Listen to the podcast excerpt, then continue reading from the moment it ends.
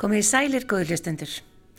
Á dögunum hjælt tónlistarhópurinn lög Grán Tango tónleika í Tíbrá tónleikaröð Salarins í Kópavogi en fyrir tónleikana átti ég smá sófaspjall við forsprakka hópsins franska bandonjónleikaran Olivier Manoury sem hefur leikið tango tónlist nú í yfir 40 ár og veit sitt hvað um tónlistina. Í fyrirluta þáttar heyru við smá brot úr þessu spjallu okkar Oliviers en í síðari hlutanum reymum við á okkur tangoskóna og skellum okkur á tangokvöldi í yðnó en þar hittist tangofélagið vikulega og dansar við ljúfa tónlist. Síðasta þriðutaskvöld skellt ég mér og hitti þar meðal annars Kristín Jónsson sem hefur dansað tango nú í tæp 20 ár. En við byrjum hins vegar á sofaspjalli við Olivier Manoury og ég byrjaði á því að spyrja hann hvers vegna hann hefði valið sér bandoneonið sem hljóðfæri.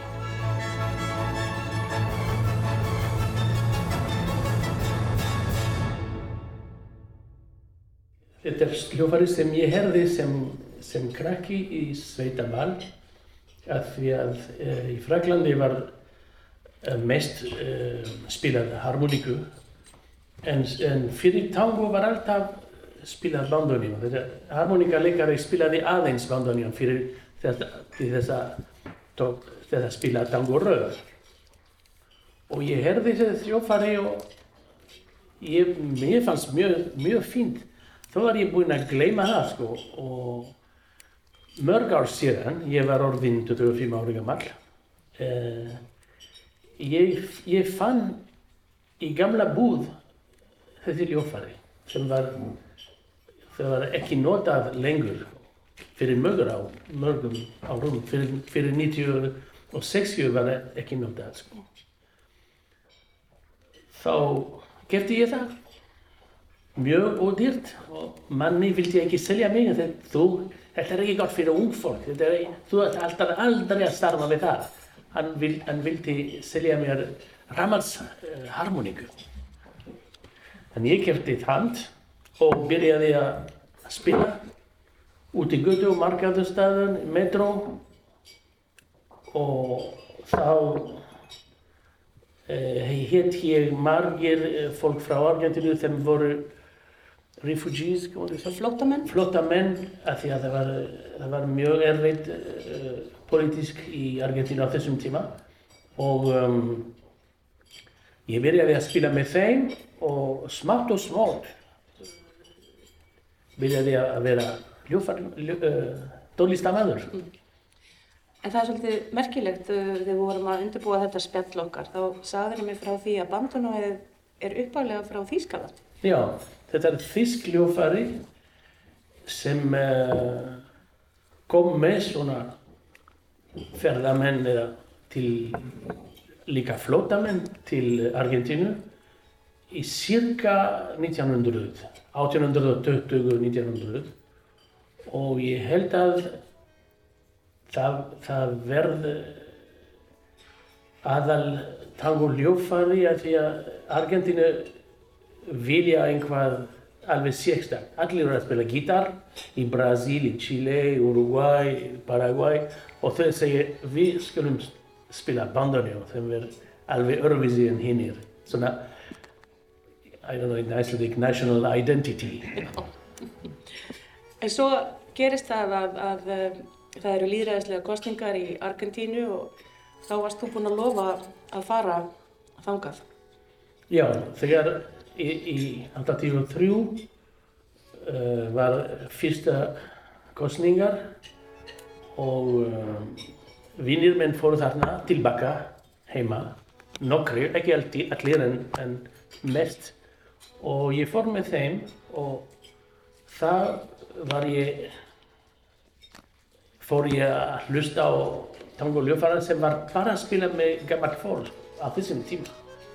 Og þau voru alveg ísa að ég spilaði í bandunni ekki af því að ég var fransku af því að ég var ungur. Það var engin ung fólk sem spilaði í bandunni núna er margir og mjög finir og þeir voru með nafnaði þeir kölluðu þig?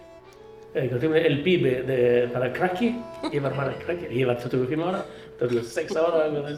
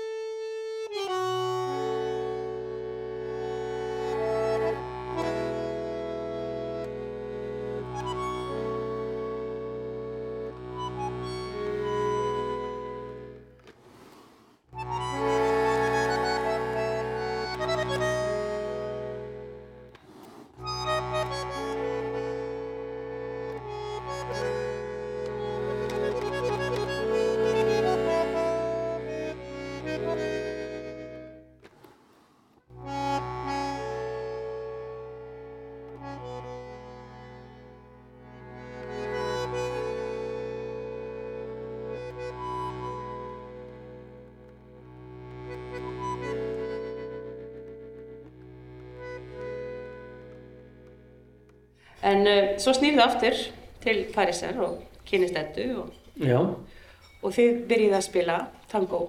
Af því að tangoin er skrifaður fyrir í raun og veru klassisk hljóðfæri. já, tango er svona, er ekkert, eh, er ekkert venileg eh, svona folkmusík. Þetta er mi mikið klassikum tónlist í þessu sko.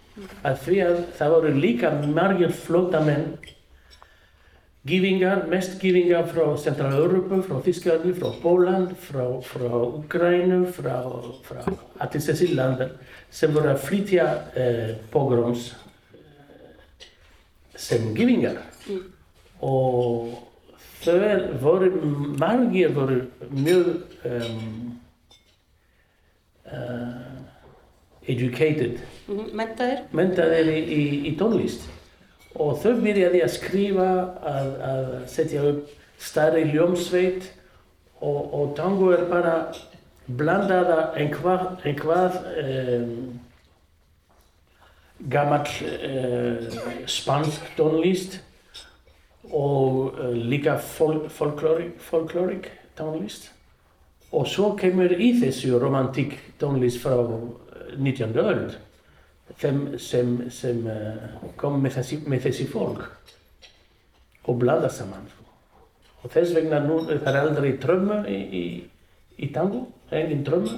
Og þetta er piano, fiddlu, cello, bassa, viola, eins og, eins og í, í kamertónlist, nema bandoneon sem er bara í tango. Svo getið þið kannski bætt einu einu klarinettuleikara. Já, Vantar klarinettuleikara í hópinu. en svo, eh, við tölum áfram bara um tangoin sem, sem form. Um, það eru alls konar uh, nöfn á hannum. En þetta er allt tango, eins og milonga er tango, er það? Milonga segir mér er habanera, Já. taktur. Það er eh, orð, orð, orði tango uh, fyrir eitt dans, fyrsta lagi, og svo fyrir all þessi sem er í kringus þessi, þessi menninga fenomen, kultural fenomen. Menninga fyrirbæri. Já. Eh, það er líka eh, í, í tango, í tango eh, in the tango events.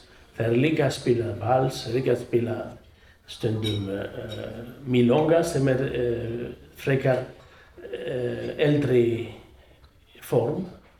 Það kemur frá Habanera, kemur frá Suðamerika líka og það, það,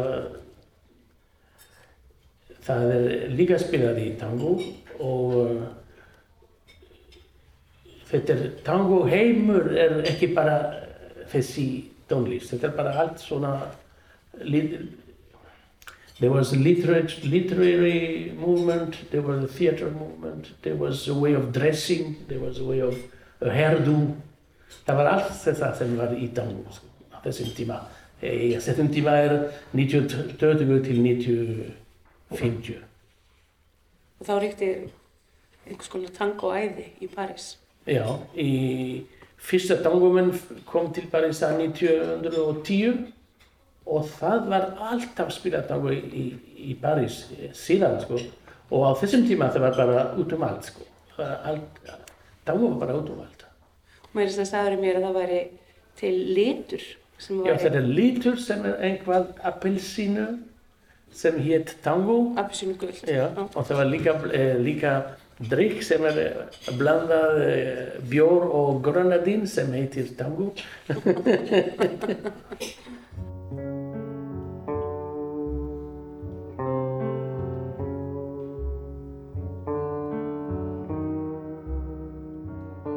Milonga getur bæði verið hægt, gerð okkur aðeins. Já, um, allir þekkir að manera frá Carmen, bom, tum, dum, bom, bom, bom, bom, bom, bom. Og það, þegar fór, það fór suður í Argentínu, það var bara bom, badum, bom, badum, bom, badum, bom, bom, svo hægt. Og svo líka mjög, mjög bum, bing, bum, bum, bing, bum, bum. Bing, bing, þessi sem við skulum hlusta sem heitir Soledad, Solitude. Mm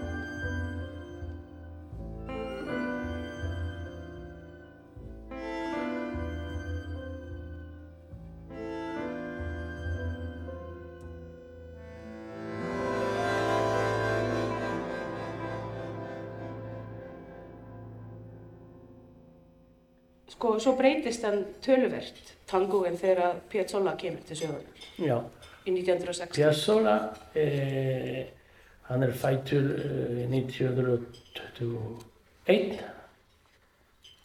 og um, hann er uh, aldur í New York. Pappi hans var uh, rakari og fekk einhver starf í New York. Þó fjölskyldi fór til New York þegar hann var, ég held, þrjú eða fjögur ára gammal. Og hann fór í New York og pappi og mammi hans voru að starfa svona sem, sem proletarien og þau hlusta alltaf í tango því að þau voru með mikið nostalgíu á Argentínu. Og þau voru að hlusta á tango og gráta. Og hann var búinn að lofa að hann vildi aldrei spila þessi vondmusík sem láti fólki gráta. Og hann vildi spila munharpa og hann vildi spila blues. En pappi þinn fann einhvað stað bandunjó, hann vildi hann læra í bandunjó. Og þau voru með engin penninga. Og í sama hús uh, býr uh, gammal maður sem hétt Bela Wilda sem var nefandi Bartók sem var með engin peninga og visti allt um tónlist og mamma hans bjerði það eins og eins og ítalsku kona sem hún var fjölskyldi var frá Ítalju hún, hún, um, hún skiptaði uh, ítalsk maður í staðinn fyrir tónlista tímar. Þá þessi ung strákur var, var með svona mjög, mjög uh, fint kennari og læri mjög mikið. Þegar hann kom tilbaka til Argentínu, hann var 15 eða 17 ára og hann var alveg super toppklass tónlistamann. Og svo fer hann til Parísar. Svo fer hann til Parísar í, í cirka 1960 og tom tíma hjá Nadia Boulanger eins og allir sem ameríski tónlistamenn gerði á þessum tíma. Hún var mjög frægur kennari og hann vildi ekki lengur uh, spila tango af því hann, hann hattari dansara. Þessi dansara vilja alltaf gammal hlutu, alltaf eins og hann vildi gera svona symfóníu og alveg klassík tónlist og uh, hann byrjaði að taka tíma og að skrifa einhvað rhapsodies og things like that. Svo um, Nadia Boulanger einu sinni spurði hann hvern, hvernig lífur þú í París? Hvað hva, hva færst þú penninga? Ég segi, já, ég spila einhvað ljófari og ég fyrir að spila svona, svona kabarett. Getur þú koma með þessi ljófari? Já, hann sagði hér, hann var svolítið, hann var svolítið feimin og hann spilaði og hún sagði, þetta er bara ekta spjörður hér. Þú mátt ekki gera uh, klassík tónlist eins og, þú vart skrifa þessi tónlist. Og hann gaf honum svona um, courage, um, hugrekki. Hugrekki til þess að promotera þessi tónlist sem heitir ennþá tango en sem er ekki sama tango en í gamlum tíma.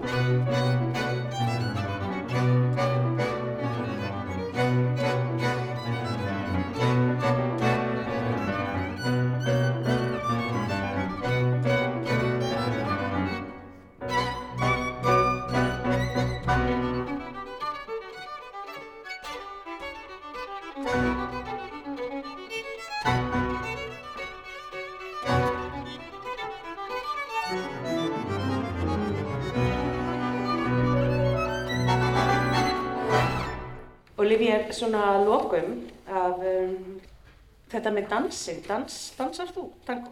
Nei, Nei. ég get ekki gera bæði þessari tíma. Nei.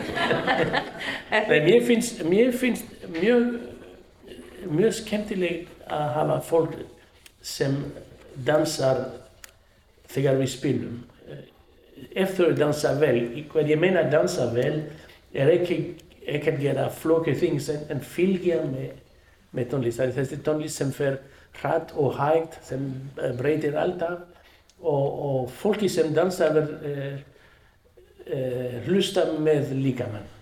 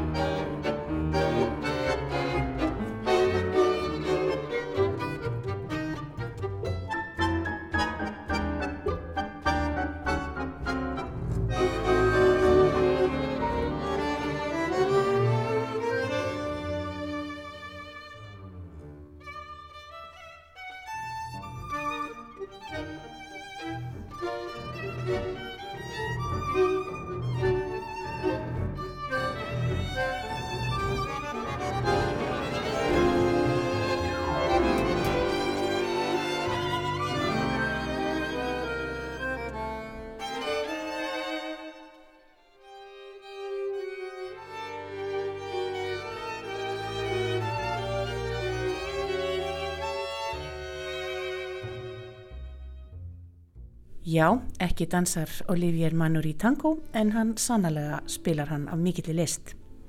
En það er ekki kannski margir sem vita það að hér á landi er starfandi tangofélag sem hittist reglulega og dansar saman tango. Ég malti mér mót við einn félagsmann, Kristinn Jónsson, til að forvittnast um félagskapin Tangokvöldin og fleira. Hvernig fjöxt þú áhuga á tango?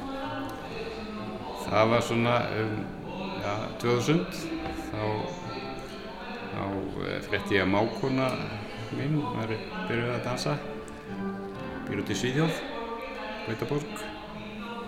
Hún var að segja mér og konunum minni þetta væri mjög skemmtilegt og, og hveti okkur. Og svo vildi þannig til að við komumst inn í hóp haustið 2001 hjá Bryndís og Hani sem þá voru tangokennarinn hérna í Kramúsi. Það var nú byrjunin og ég, já ég er að kolfjall strax fyrir dansinu af því að hann er svona, þetta er spunadans. Maður getur bara leikið sér á gólfinu sko, svolítið. Maður, það er herran sem að leiðir og annan fylgir og Þetta er svona samtal um það. Það er ekkert spór fyrirfram ákveðið. Við bara, við bara eiginlega sendum skilabóða milli og ákveðum, ákveðum dansinn bara með við dansum. En það hljóta nú samt að vera einhver grunnspor. Það er, það er grunnspor en það er yfirleitt ekkert verið að, kenna það vegna til þess að, til þess að fólk festist ekki í einhverju einhverju rútínu að, að byrja strax að kenna fólki að hlusta á hvert annað, að bara ná sambandi. Að ákveða að finna hvernig maður skiptir um þyngd og hvaða fæti maður stendur og byrja bara á því að ganga.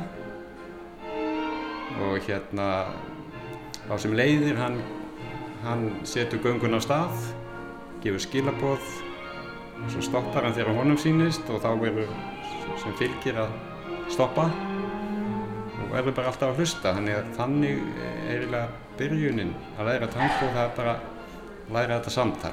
Hlusta á hvert annað. Hlýða að skref og hvaða skref sem er eru öll svo liðis þannig að síðan þegar maður kannski þegar maður er búinn að ná þessu þá lærir maður einhver spór, eitthvað svona.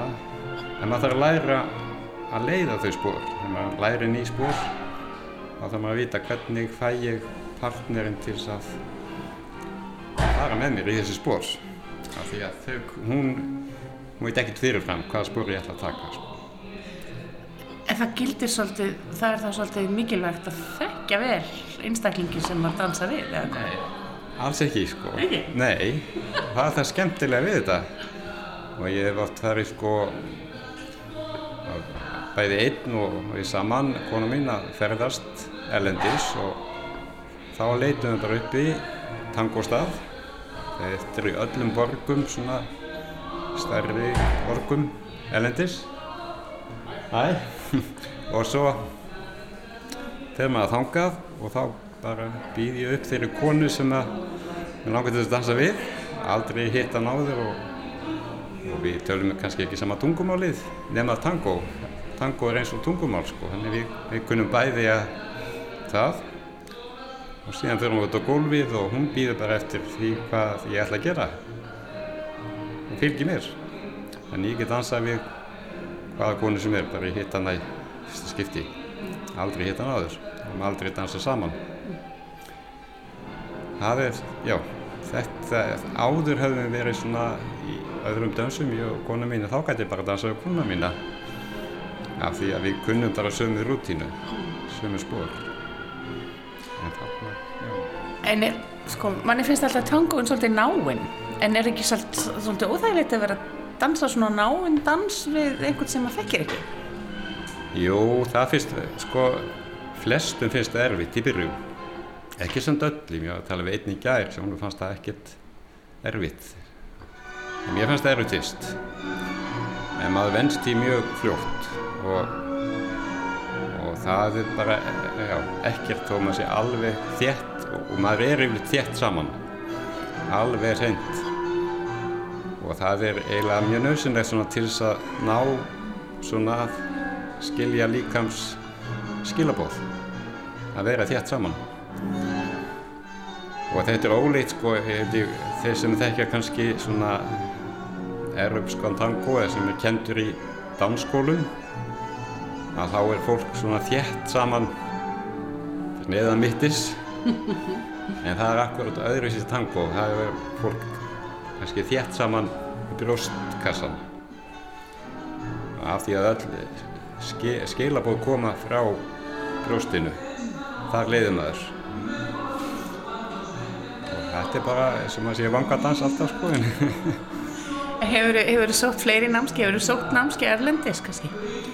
Já, já, ég sko, ég fer í tíma sækja námskið á hverju ári sko ég gert það allar tíð, ég var nú fyrst hérna bara alltaf uh, við, á námskiðum allar veturinn hjá Hani og Bryndísi sem að störtuðu tangonum hér. Þau eru reyndar núna að flytta til Kaupanahafnar og kenna þar, mjög vinsæli kennara þar. En síðan koma alltaf reglulega tangokennara til Íslands, erlendis frá, frá Búnus Æris líka og, og kenna hér og þá sækir maður alltaf tíma sko, alltaf til þess að reyna að læra eitthvað nýtt. Og við höfum farið þrís á Búnus Æris, bara til þess að læra og dansa þar. Slæðir hjarta þar? Já, já, já.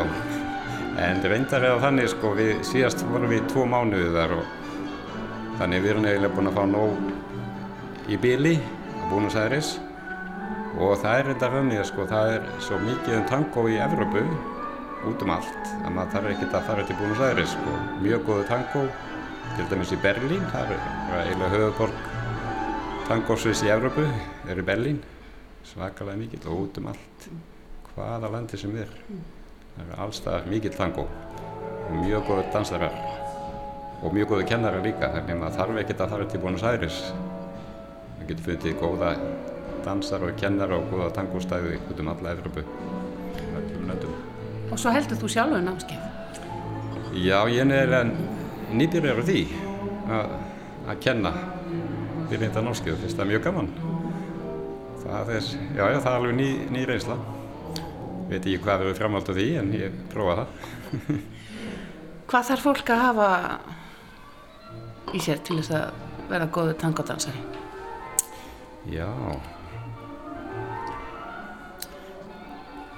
Þessi ekki bara viljan til þess að, lungunna, til þess að vilja dansa sko. Því að ef maður hefur hann þá geta allir dansað. Af því að ef maður getur gengið þá getur maður að dansa tango. Það er bara þannig, er, grunnurinn er ganga. Og ég haf til dæmis eitt par hér sem hefur kent, verið með tangonámskeið hjá Parkinsonsfélaginu. Og bara, og þetta hefur hendað mjög vel þar fyrir, vegna þess að það er takturinn og gangan sem skiptir það fólk miklu máli. Og þannig allir geta dansa tango viljið, en það en það er stundum erfiðari hjalli í tango í byrjun heldur en í sumum öðrum dansum af því þú ert að læra fyrst þetta að geta tala, tala við. Læra að leiða, læra að fylgja. En eftir það er bara þetta mjög gott. Það, en í mörgum öðrum dansum lærir þú grunnspór sem þú getur dansað og getur bara starfspyrur dansa eftir hálf tíma þessi grunnspór balli en það er ekki hægt í tango. Þú verður að byrja að læra þetta að leiða og fylgja. Það er opnar lindadómur sko. Ef að fólk hefði áhuga á að koma og læra, nú sittum við hér í yðná þar sem að þeir hittist og á, á hverju þriðdaskvöldi eða hvað? Já, við gerum það. Það er svona alltaf tango ball sem við kvöldum Mílongu en svo er upp í Kramhúsi á öll förstaskvöld þá er byrjað á svona æfinga klukkutíma æfingu og þá eru er fólk til staðar sem getur leiðbent þeim sem vilja prófa. Fólk getur bara mætt og fengið svona tilsögn fyrsta klukkutíman og síðan byrjar ball klukkan tíu. Þá koma vanari dansarar. Og svo er líka á, á Sólón Café Sólón á sunnudögum um miðjandaginn. Þá er hérna þá er svona æfingatími bara bara æfingatími og allir geta komið og prófað og það er fólk sem leiðinir og svo eru þessi námskeið sem að hafa sem að ég er núna að kenna og ég og Tinna Ágústóttir En það er sem sagt, í þessari litli borg getur fólk farið út að dansa tango þrjú kvöld í viku? Þrísverði viku, já já, það er mjög það er bara eiginlega mjög mikið með við stærðin á borginni sko. Já, það er, það er, það er ekki víða. Mætið þú alltaf? Ég mæti alltaf tjóðsverði viku. Alltaf á, á hér á þriðutugum og upp í Kramósi á, á förstugum einstakar sinnum líka á Sólun var þar síðasta sundag. Og því við hittumst svona tangofélagar í brönns á undan. Gaman. Er fólk að hafa með sér partner eða dansfélaga eða getur fólk mætt eitt? Nei, fólk getur mætt eitt og hérna og þá bara er, er paraði saman þeir sem koma stakir eða kennari dansar við þann sem er stakur. Þannig að það er, við erum með svolítið í, í tímunum hjá okkur tinnu og það er alltaf að koma svolítið í þessa æfingatíma stakt fólk og tangoin er mjög góður fyrir einmitt þá sem eru stakir að því að á tangoböllunum þá er þá er eiginlega hef, hefð að bjóða upp. Þannig að maður dansar ekki við þann sama allt kvöldið. Það er bara algjörlega eiginlega bannað. Það er bannað? Já, maður dansar svona eina sirpu, svona það eru þrý, fjórir, þrjú, fjóri lög við þann sama og svo kemur svona hlið, kortína kallað, þá spila annar lag, þá fara allir á gólfinu og síðan er búið upp nýjum í næstu sirpu. Þannig gengur þetta allt kvöldi, það er alltaf að bjóða upp nýjum og nýjum. Og það er svolítið sérstök aðferð við að bjóða upp, sem kannski ekki alltaf viðhöfð hér en í Búnus Æris til dæmis og mjög víða. Heitir Cabaseo, það er að segja að maður býður upp þannig að maður nær augnsambandi við þann sem maður vil dansa við. Bara það sem við sitjum eða stöndum. Og ef það tekst þannig á auksambandinu þá er svona höfuð eh, neying eða eitthvað og samþykki og þá er haldið út á gólfið. Þetta er svolítið sérstætt fyrir tango að bjóða svona upp sem að er mörgur leiti mjög gott því að þú, þá verður þetta vandræðilegt ef þú vilt ekki dansa við einhvern ef einhver vil ekki dansa þá bara lítur hann undan svona, er ekki það Eða hristur höfuðið, eða hristur höfuðið og það er ekkert, þá er ekkert meira. Ekki allir að horfa. ekki allir að horfa eins og ef maður kæmi og, bí, og býð upp í dans og fengi neitun. Þannig að þetta er mjög sniðut að hafa svona. En auðvitað ef maður þekkir einhvern eða vinir og kunninga þá býður maður upp með því að spyrja. En svona er, svona, þessi hefð er mjög rík að bjóða svona upp út um allt það er, það er þá rétt eins og þið segja, it takes two to tango, það þarf tvo í tango. sannlega það, er- alveg nöðsulegt já En tónlistin sem þið hlustið á, er þetta, hvað, hvaðan, eða dansið við, segi ég, hvað, hvaðan kemur þetta? Er þetta allt saman argentískir tangoar? Nei, ekki alveg sko. Þetta er, tangoðan var til sko í tveimur hafnarborgum, höfuborgum Argentínu, Buenos Aires og Uruguay, Montevideo. Þar var tangoðan til, þannig að mörg tangólöfin eru frá Uruguay. Og þeir eru mjög stoltir af sínum lögum. Finnst Argentínum en oft er að svona gera sér svolítið breiða sko. Af því að þeir, þar var tangóan líka til, líka til og margar góðar hljómsveitir það og góðu dansarar. Og hérna en það er sagt að gullöld tangó tónlistirinnar allavega í dansinum sé frá 1935 til kannski svona 1950 og mestu hluti lagana sem er spiluð á svona balli eins og hér er frá þessum tíma. En það er svolítið og líka eldri tónlist alltaf svolítið inn á milli gaman að hafa það og jafnvel yngri en, en mest er þetta frá þessum tíma frá svona gullöld og bestu hljómsveiturnar voru þá uppi. Og það eru svona fjórar aðal hljómsveitir sem talaður um sem alltaf eru spilaður eitthvað hverju kvöldi frá öllum þessum hljómsveitum. Og það er stíl þeirra er svolítið mismunandi. Og hína hljómsveitir þetta er kannski svona 30 hljómsveitir sem maður hefur úr að velja. Hína hljómsveitir er svona falla svolítið í þessa flokka svona eru þessar fjórar? það er, það er þau kendir við hljómsveitastjóruna Juan D'Arienzo heitir einn og hann var einu og eiginlega hann sem að eiginlega svona vakti þessa dansbylgju þetta 1935 í í Buenos Aires. Þar sem að hann svona útsetti lögin upp og nýtt og gerði miklu svona taktfastari og, og meira svona fyrir fólk þess að fara út á gólfið að dansa hann er einn af þessum stóru og hann, hans tónlist er kannski tildulega einföld og bara svona mjög taktast eins og þarna Eins og við heyrum hérna í bakgrunni, já. rekur svolítið áfram svona Já. en allir vilja dansa Já. og síðan er annar sem heitir Carlos Di Sarli hann var píónuleikari og hérna hann spilar miklu svona rólegri tango yfirleitt og svona mjög fáa og flotta tónlist. Líka mjög gaman að dansa við en það dansar kannski stærri spór og gerir meira svona þegar hans tónlist er spiluð.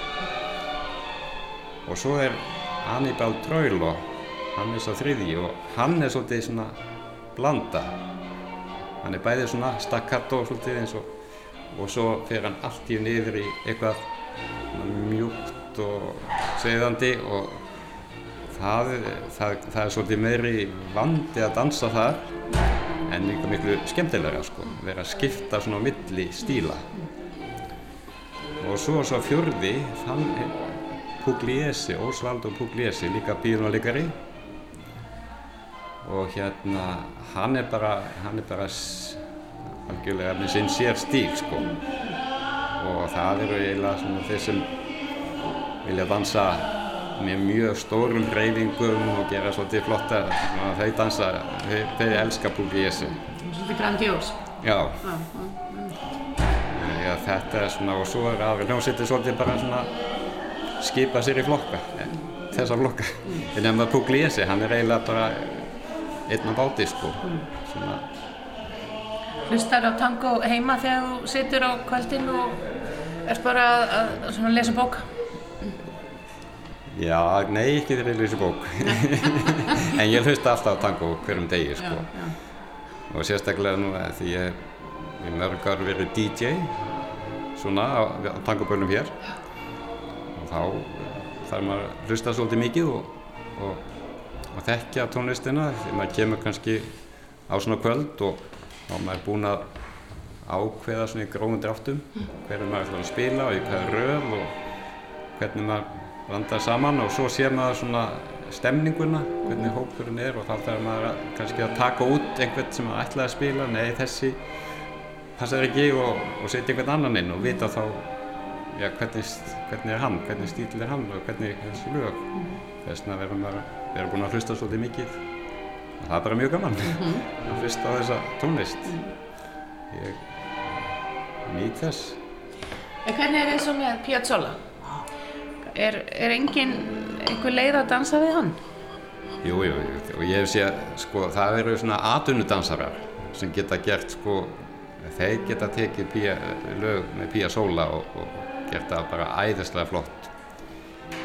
En hann er aldrei spilaður á svona tangokvöldum. Þegar við svona venjulegu sósíal dansarar, við getum ekki dansað við Pía Sóla. En ég hef séð atvinnudansara dansa og gera það mjög flott. Og þetta er bara, þá er þetta svona tangosjó sem er, sem er annað, sko. En Pía Sóla, hann, hann, hann bandi á nöðunleikari upp að við, lærið þetta píónu líka, en hann, hann byrjaði sko hjá Annibal Traulo, sem sé einn af þessum stóru og, og var hérna, var sem sé bandunarleikari í honum, fjórði, yfir fjóri svona, og var fljótlega útsettjari í honum. En svo var Traulo svolítið þess áskinja að Sóla hafði ekkert mjög gaman að þessari danstónlist og vildi ekkert eiginlega spila hana sko. Þannig að hann svona á lokum losaði sig við hann sko því að hann var hrættur um að hann myndi verið vera að breyta tónlistinu og, og dansirinu myndi ekki geðast kalla það ekki eða sko. Þeir voru kannski bara gæfu spór fyrir okkur öll. Já, já, það getur vel yfir. en það er gaman að hlusta Pía Sóla sko, bara svona sem, veist, bara að hlusta. En hvernig er það með, nú sáum að það til dæmis að hérna, allir geta dansað, að þetta var mikið líkamsrækt. Er þetta gott fyrir kroppin? Er, farðu, farðu, er þetta þín líkamsrækt? Já, þetta er bara mín líkamsrækt, já. Ég stund ekkert annað, ég, nei. Og ef maður dansar heilt kvöld, kemur þau löður sveittur heim? Já, bæði og, sko. Það fyrir svolítið eftir hvers konar tónlist hefur spiluð, sko. Jú, jú, það getur alveg verið. Að komi sveittur heim, sko. En alltaf ánaður. Og það er náttúrulega hlutir þess sem er að, að fólki þarf ánægt heim og sé búið að dansa mikið. Þannig að verður að passa sig að velja tónlist sem, þannig að það drægi fólk út á gólfið og að dansi sem mest. Hvað eru þið mörg í þessu, svona, þessu samfélagi hérna? Sko það verður svona, það verður alveg hundrað í þessu tango félagi sem er stofna, að stopna 2000. Þannig að það verður 20 ára næsta ári og verður heilmikið hérna, hátíð hér. Hérna, Iðnó. sennilega í Iðnó, ég, ég, ég veit ekki hvort það er búið að fastsetja það. Og hérna, en það eru kannski svona 40 mann sem koma alveg reglulega að dansa og svo nokkuð margir sem koma bara stundum það var lært þetta en koma kannski bara einu sinni í mánuði eða jafn sjálfnastumir en það er kannski svona, veit ekki svona 30, 20-30 mann sem koma alltaf eru bara koma nánast alltaf Hafið þið lendið að fá túrista inn á kvöld hjá okkur? það gerist mjög reglulega Já. það er sem sé já það var hérna par frá Danmörku bæða föstudaginn og svo líka á sunnudaginn og jú, jú, það er alltaf Þannig að þau, þau, gera kannski svona eins og þú þegar þú fer til útlanda þá leitaðu uppi. Uppi tango, hvað er tango? Já, þau gera einmitt það, er bara að googla, já, er tango í Reykjavík? Já, þarna, ég er inn á, og þau finna þetta. Þannig við fáum mjög reglulega heimsóknir og það er mjög gaman. Fá svona nýja dansara, Já, fá nýtt blóð. nýtt blóð. Það er, við tökum alltaf mjög vel á mótið. Já. En hva, hvað þarf fólk svona að hafa? Hvað, ég sé að þú varst að reyna á þig mjög pena svona leðurskó. Það er eiginlega, það er nú eiginlega eina sko sem er gott að hafa góða dansskó. Það er nú ekkit annað. Góða danskó og, og, þægileg fött og, en konurnar. Já, þær, þær eru margar á há, háhæluðum skóm. Það er mjög algengt en ekkit allar sko sem finnst það ekki gott og eru bara á lágbotna skóm. En þær leggja kannski meira upp úr skónum heldur en við kallanir. Hvernig það líft út. Já. En hvað, svo við segjum þetta eins og enn, þá er það á þriðjudögum í yðnó klukkan hálf nýju til hálf ellefu, Já. á föstudögum í kramhúsinu Já. klukkan Frá uh, 9 til 12. Þessi- 9 til 12, Já, já. það er svona praktíka, æfingatími, klukkutími og svo og svo á Sólun, kaffi Sólun, ég man ekki alveg, en það er svona um, um tvö, hálf tvö til hálf fjögur minni mig, eitthvað svo liðis, en á sunnudögum, já. á sundum, en upplýsingar má finn, fe- fá inn á tango síðu, tango.is þar er allar upplýsingar um hvað er dansað og hvað er gangi og hvort þessi námskeið í gangi eða, eða hvað. Allar upplýsingar þar. Kristín, ég ætla, heyr, nú er svona pása, nú ætla ég að leipa þér inn að dansa. Takk kærlega fyrir spjallið. Takk sem leiðis Ég þakka viðmælendum mínum þeim Olivier Manúri og Kristni Jónssoni fyrir spjallið og hvet alla sem áhuga hafa á að fara inn á síðuna tango.is og kynna sér málið ef þá langar að læra að dansa tango. En við ljúkum þessu í dag á tango fyrir klót eftir franska harmonikuleikaren Richard Galliano. Það eru Hansi Wang og Giovanni Punzi sem leika. Þannig til næst hafið það sem allra best verðið sæl.